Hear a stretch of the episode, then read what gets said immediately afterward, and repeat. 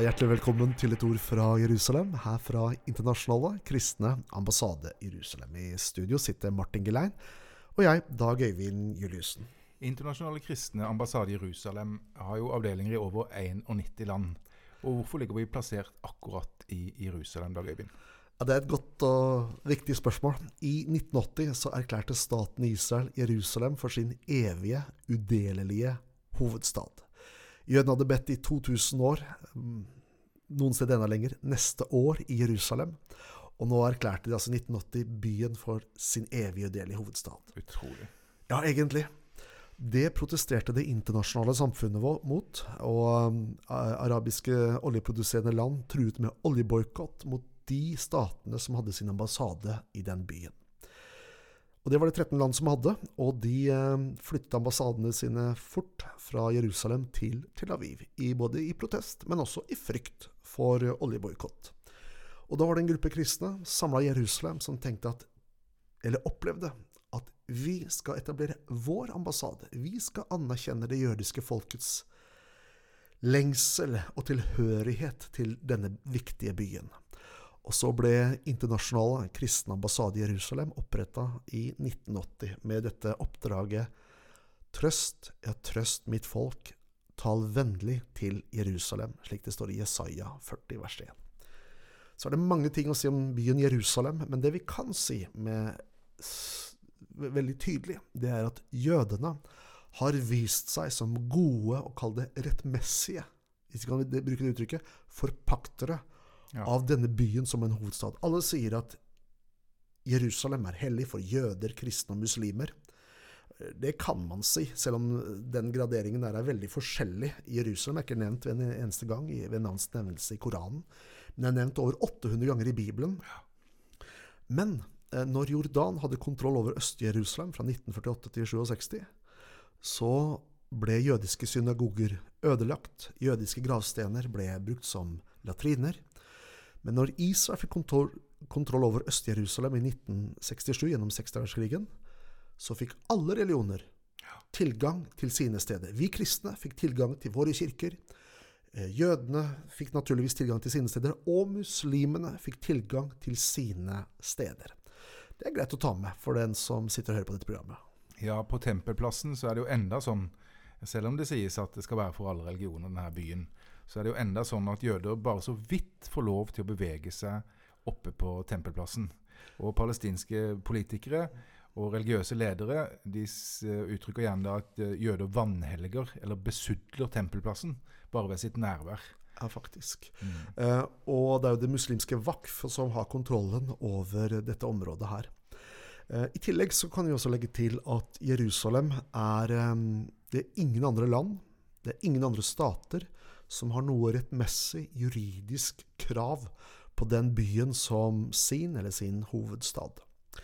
Dette er jo det politiske eh, aspektet, dagens situasjon. Men så finnes det jo noe som er mye, mye viktigere, Martin. Og det er jo det bibelske. Det er det bibelske. Eh, Jerusalem er jo stedet der Abraham gikk for opp for å, for å ofre sin sønn Isak på Guds befaling. Mm. Og vi kjenner den historien. Eh, det var på Moriafjellet, som altså er Jerusalem. Det er ikke sant. Eh, og eh, Jerusalem er også det stedet hvor Gud tok bolig med hele sin herlighet i det jødiske først, eh, i det første tempelet som Salomo bygde, og senere i det andre tempelet etter eksilet i Babylon. Men det er jo flere ting eh, som vi vet har hendt i Jerusalem. Men det får vi ta etter pausen. Ja, men det er greit. Da hører vi på litt musikk.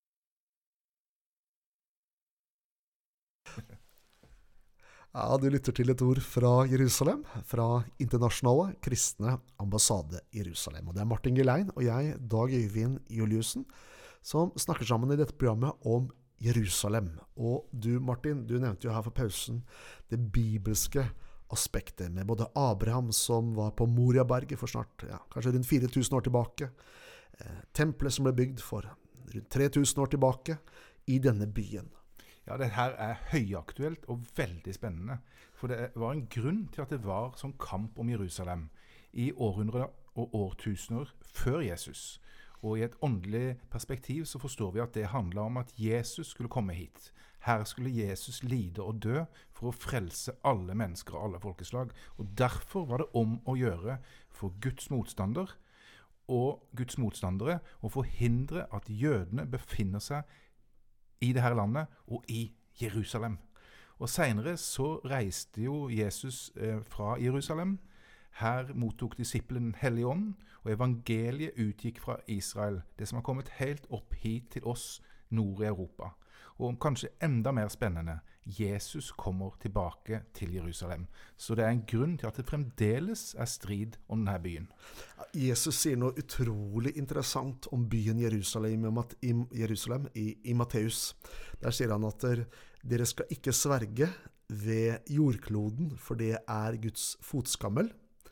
Og så sier han, og dere skal heller ikke sverge ved Jerusalem, for det er den store kongens by. Og jeg syns det er litt sånn artig matematikk at jordkloden er Guds fotskammel, mens Jerusalem, sier Jesus sjøl, det er hans by. Og nettopp derfor, fordi, eller nettopp fordi at alle de store hendelsene i Guds frelsesplan finner sted i denne byen, og kommer til å gjøre det. Om noen få uker så samles kristne fra mange ulike nasjoner i Jerusalem under løvhyttefesten for å tilbe kongenes konge og, og, vis, og, og velsigne det jødiske folket. Ja, jeg har vært med mange ganger, og nå ser jeg fram til å være med i oktober. Og Det er en helt unik hendelse. Det fins ikke en organisasjon av internasjonalt format som er med på å gjøre noe lignende. Det kommer altså mennesker, overgitte kristne mennesker, opp til Jerusalem for å tilbe Jesus og proklamere troen på Guds ord og løfter i Jerusalem, hvor alle disse tinga har funnet sted. Eh, så det er en eh, historisk begivenhet som òg peker fram på det som skal komme. Mm. Jesus skal komme tilbake hit, og igjen skal nasjonene komme opp dit for å tilbe han. Det er vår tro. Ja, profeten Zakaria sier jo noe om det her. At det kommer en dag hvor, hvor disse tingene skal skje. Og hvis ikke Egypt drar opp til Jerusalem, så skal det ikke falle regn over Egypt, står det. Ehm, det som er interessant, syns jeg, med Løvehyttefesten som Den kristne ambassade arrangerer, som er det største årlige turistarrangement og det største årlige kristne arrangementet i landet, og som normalt, nå får vi se i kjølvannet av koronaen, men normalt så samler det besøkende fra 100 nasjoner, det er at det er noe mer enn en konferanse. Det er noe mer enn bibelundervisning som kristne deler seg imellom. Det er noe mer enn en lovsangskonferanse. Det Løvehyttefesten er i regi av ICA, sånn jeg opplever det, det er et, det er et oppdrag. Og Derfor sier jeg til de som skal være med oss på reise nedover, det her er mye mer enn en rundreise i landet. Du er med på et oppdrag.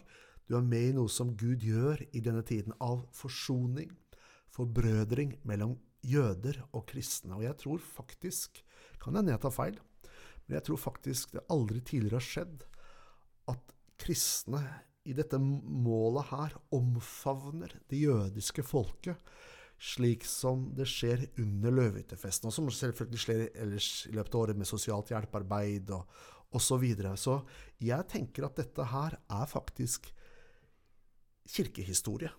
Ja, det er på en måte eh, eh en, eh, et uttrykk for at ringen er i ferd med å bli slutta. Mm evangeliet utgikk Vi kan lese om fra pinsedagen hvordan mennesker av ulike, eh, jøder av ulike språk var samla der, og hvordan evangeliet utgikk fra Jerusalem.